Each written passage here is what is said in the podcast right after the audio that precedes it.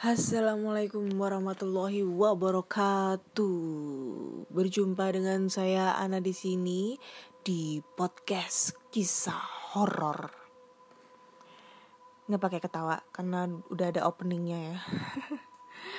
Oke, okay, uh, aku di sini akan membacakan cerita horor email berhantu yang sudah dikirimkan teman-teman melalui podcast kisah horor at gmail.com ataupun di DM Instagram podcast kisah horor dan DM Instagram Ana Olive. Hari ini hari Sabtu, tanggal 11 Juli 2020 pukul 3 lewat dini hari. Ya, seperti biasa aku akan membacakan cerita horor ini lewat tengah malam karena selain aku menghindari kebisingan kendaraan di luar, selain itu juga aku ingin merasakan sensasi cerita horor dari kiriman teman-teman semua. Karena biasanya kalau kita ngedengerin cerita horor ataupun kita mau bercerita horor juga lebih enak, lebih afdol itu lewat tengah malam. Kayak apa ya, lebih greget banget gitulah. Betul gak sih ya? Oke langsung aja kita bacakan ceritanya Ini udah ada tiga cerita yang aku pilih Dan cerita pertama datang dari email Oke. Cerita pertama Ini gak ada namanya Gak mau disebutin No name Halo podcast kisah horor. Aku mau nyeritain pengalaman seram yang aku alami malam Jumat kemarin dan membuat aku kapok untuk keluar rumah sampai lewat tengah malam saat malam Jumat. Kan aku begadang di warnet pada malam Jumat dari jam 9 sampai jam 2 dini hari. Nah, pas pulangnya itu kan aku lewat jalan biasa Jalan ini di sebelahnya ada kali besar yang sebenarnya nggak dalam, tapi jarak permukaan kali dengan jalanan lumayan jauh. Jadinya kayak jurang gitu deh. Nah, di beberapa sisi kali itu ada jembatan yang menghubungi jalan kecilnya, terutama untuk motor dan pejalan kaki. Meskipun mobil pribadi kadang kadang juga lewat dengan jalan utama yang khususnya untuk kendaraan, terutama bis kota yang gede-gede. Aku waktu itu lagi lewat jalan yang kecil. Nah, di dekat salah satu jembatan ada anjing yang gonggong-gonggong dan melolong-lolong. Awalnya sih aku berusaha tenang. Tapi selanjutnya gimana ya? Di bawah jembatan itu, di kolongnya, aku ngelihat cahaya warna orange kayak cahaya api lilin melayang-layang. Kayaknya sih melayang. Aku gak begitu yakin. Soalnya aku gak lihat dari dekat. Gak berani deh aku. Aneh. Jelas-jelas di situ gak ada orang. Cahaya dari mana coba? Akhirnya aku memilih untuk mengambil jalan lain. Karena entah mengapa, sesuatu dalam diri aku gak ingin lewat jalan dekat yang lagi, eh dekat jembatan itu. Jalan lain ini lebih jauh dari tempat kos. Nah, ternyata di jalan yang satu ini malah ada dua anjing liar yang lagi jalan-jalan. Awalnya mereka cuma jalan biasa. Eh, gak taunya mereka ngikutin aku di belakangku. Tiap kali aku lihat ke belakang ke arah mereka, mereka berhenti jalan. Jadi kesannya mereka kayak ngintai aku gitu deh. Untungnya aku berhasil sampai kos dengan selamat. Alhamdulillah, aku kapuk deh begadang di malam Jumat lagi. Oke. Okay. Ini cerita dari seseorang yang tak mau disebutkan namanya. Jadi dia mau cerita tentang kejadiannya pada saat dia pulang lewat tengah malam pas di malam Jumat. Dan dia diikutin sama sosok anjing liar ada dua dan cahaya merah orange gitu yang melayang. Ya kayak semacam banaspati kali ya. Gitu kali ya ya aku nggak tahu sih ya hmm. Oke. Okay. Cerita pertama cukup singkat, jelas dan agak kurang greget ya bagi aku. Menurut kalian serem nggak? Hmm. Oke langsung aja kita lanjut ke cerita kedua ya. Cerita kedua ini dari email namanya Raisya. Judulnya adalah hadiah ulang tahun. Halo Kak Ana Olive, nama aku Raisya. Aku pernah punya pengalaman horor yang terjadi saat ulang tahunku ke-17 tahun 2002 lalu. 2002 aku umur berapa ya? Uh, aku masih umur 12 cuy. Bisa dikatakan ini adalah hadiah ulang tahun aku. Sebangun tidur, aku langsung ke dapur mencari remah-remah untuk mengganjal perut yang keroncongan. Maklum, aku belum dari eh ya, aku belum dari sepulang kuliah tadi sore. Aku bingung karena tumben gak ada orang di rumahku. Biasanya rumah selalu penuh orang. Ah, sebodoh amat. Perut aku keroncongan lagi. Aku ngecek kulkas untuk melongo isinya kosong. Gak ada apa-apa di dalam sana, kecuali mie instan. Anjing nih orang-orang, pada gak inget apa ya? Kalau aku hari ini ulang tahun. Aku menitikan air mata waktu itu. Aku coba cari di sekeliling rumah, tidak menemukan satupun manusia.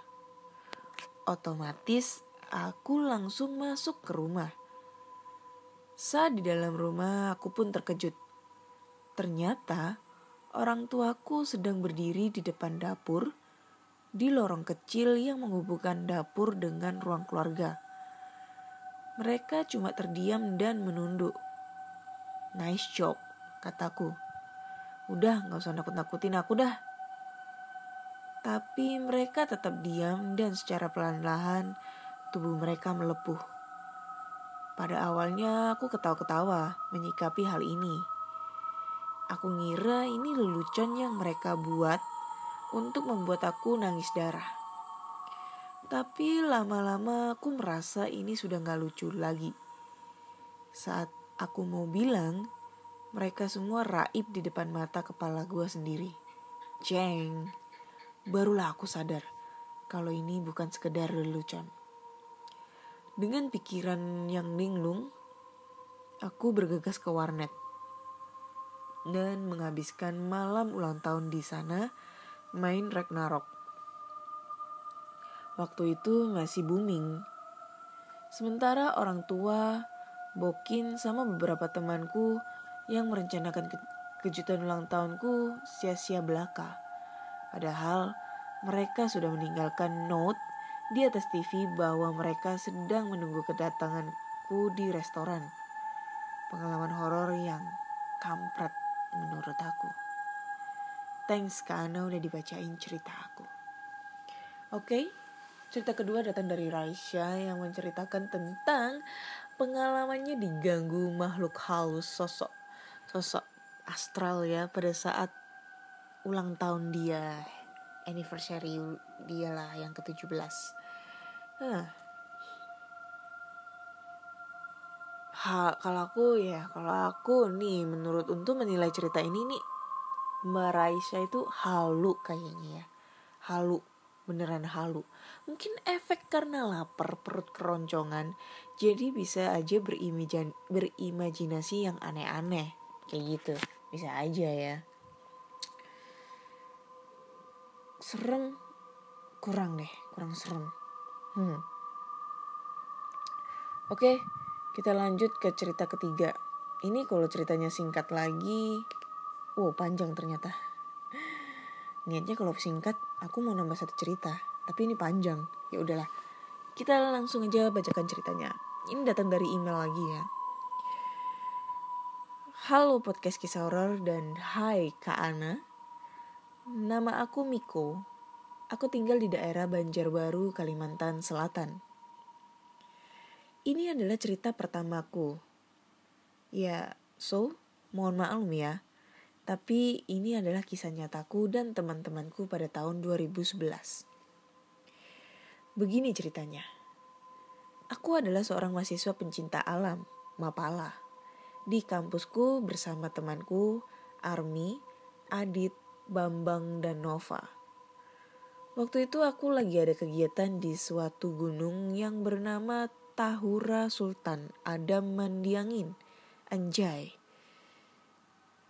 panjang ya namanya Tahura Sultan ada Mendiangin yang ada di di Banjarbaru Kalimantan Selatan ya. Yap, gunung ini itu adalah hutan lindung, Kak. Dan di sana merupakan bekas penjajahan Belanda. Banyak peninggalan Belanda seperti kolam Belanda, benteng Belanda, pemandian putri, dan lain-lain. Kegiatan kami tidak lain dan tidak bukan adalah pendakian gunung. Kami berangkat dari kota Banjarbaru pukul 16 lewat 45 waktu Indonesia Tengah dan sampai pukul 17 lewat 15 waktu Indonesia Tengah di Mandiangin. Setelah sampai di sana, kami mengecek alat-alat kami sebelum kami melakukan pendakian dan nongkrong dulu di warung. Ngopi-ngopi dulu lah, biar semangat. Singkat cerita, jam sudah menunjukkan pukul 10 lewat 12 malam waktu Indonesia Tengah. Saatnya kami pemanasan dan berdoa sebelum melakukan kegiatan pendakian. Setelah selesai pemanasan dan berdoa, baru kami mau memulai pendakian. Kami sudah merasakan hal yang aneh. Seperti bau yang tidak sedap dan ada yang kayak mengawasi kami dari kegelapan hutan. Itu semua membuat kami takut. Mik, kamu ngecium bau busuk gak? Ujar Army. Hus, jangan diomongin, bilangku. Tahu nih, Army, yang kayak gitu malah diomongin, bikin takut aja, saut si Bambang. Dan kami memulai pendakian kira-kira sudah tiga jam lamanya kami mendaki. Gelapnya hutan semakin mencekam seolah-olah ingin menelan kami semua. Saat asik jalan, kami mendengar suara hentakan kaki yang begitu keras dari belakang kami. Woi, stop dulu deh. Kalian dengar nggak suara orang jalan tuh? Ucap Army sambil ketakutan. Memang gila nih Army. Dari tadi bikin takut kita-kita aja nih. Sentak Nova. Iya nih Army, bikin orang parno aja dalam hutan. Ditambah Adit. Sudah diam, jalan aja terus. Gak perlu ada yang dikhawatirkan, bilangku sambil nenangin diri. Kami pun jalan terus, sampai kami menemukan benteng Belanda. Ketegangan pun mulai memuncak saat temanku melihat pasukan Belanda tanpa kepala di depan benteng Belanda tersebut. Itu apa? Itu apa ya? Kayak orang tanpa kepala ujar Nova yang mukanya pucat abis. Dan kami semua hanya diam tanpa mengucapkan sepatah kata pun setelah mendengar Nova berucap seperti itu. Ternyata bukan hanya Nova yang melihat pasukan Belanda tanpa kepala itu. Kami semua melihatnya dengan jelas. Mereka membawa senjata dan berpakaian rapi hanya saja tidak ada kepalanya. Kami semua hanya diam dan gak bisa bergerak berbicara pun susah. Sedangkan aku hanya membaca doa apa saja yang aku hafal. Dan alhasil penampakan tersebut hilang begitu saja. Kami istirahat sejenak dan saling memandang satu sama lain. Ayo kita lanjutkan. Sebentar lagi udah nyampe puncak nih. Kataku sambil memberi semangat ke teman yang lain. Dan akhirnya kami sampai puncak dengan selamat. Begitu pula dengan pulangnya sampai Banjarbaru. Begitulah kisah nyataku. Maaf bila ada yang kurang dan kata-kata yang kurang pas. Terima kasih podcast kisah horor. Oke, terima kasih kembali buat Mas Miko untuk ceritanya ya, cerita tentang pengalaman naik gunung gunung apa tadi? Gunung Mandiangin Man, Mandiangin eh bukan. Gunung Tahura Sultan Adam Mandiangin anjay panjang. Ya ya ya emang biasanya emang kalau cerita tentang pendakian gunung itu emang identik serem-serem semua guys.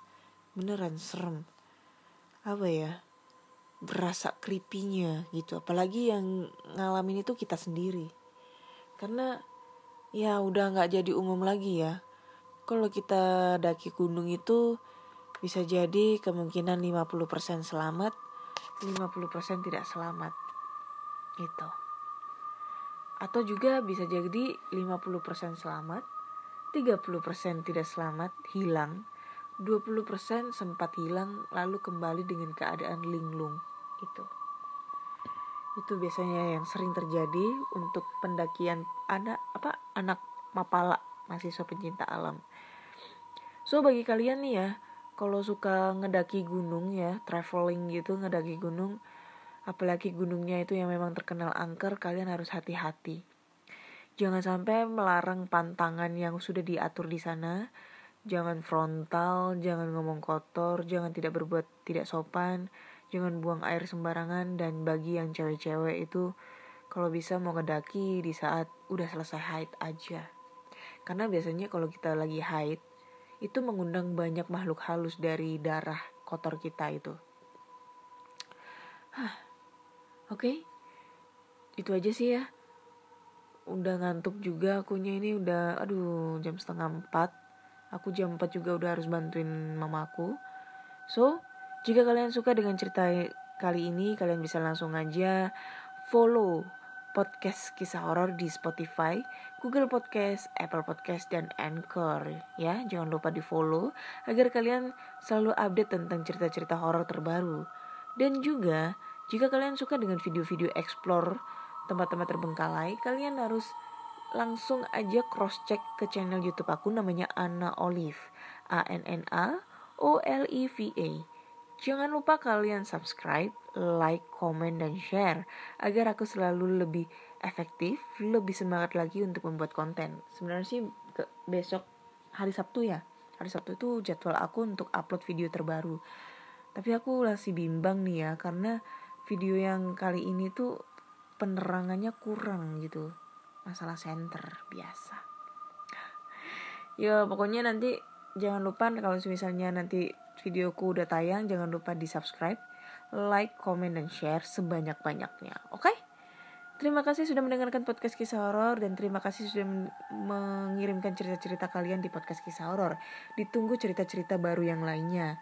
Dan akhir kata, mohon maaf jika ada salah-salah kata dalam pembawaan cerita kali ini dan terima kasih sudah mendengarkan podcast kisah horor. Dadah.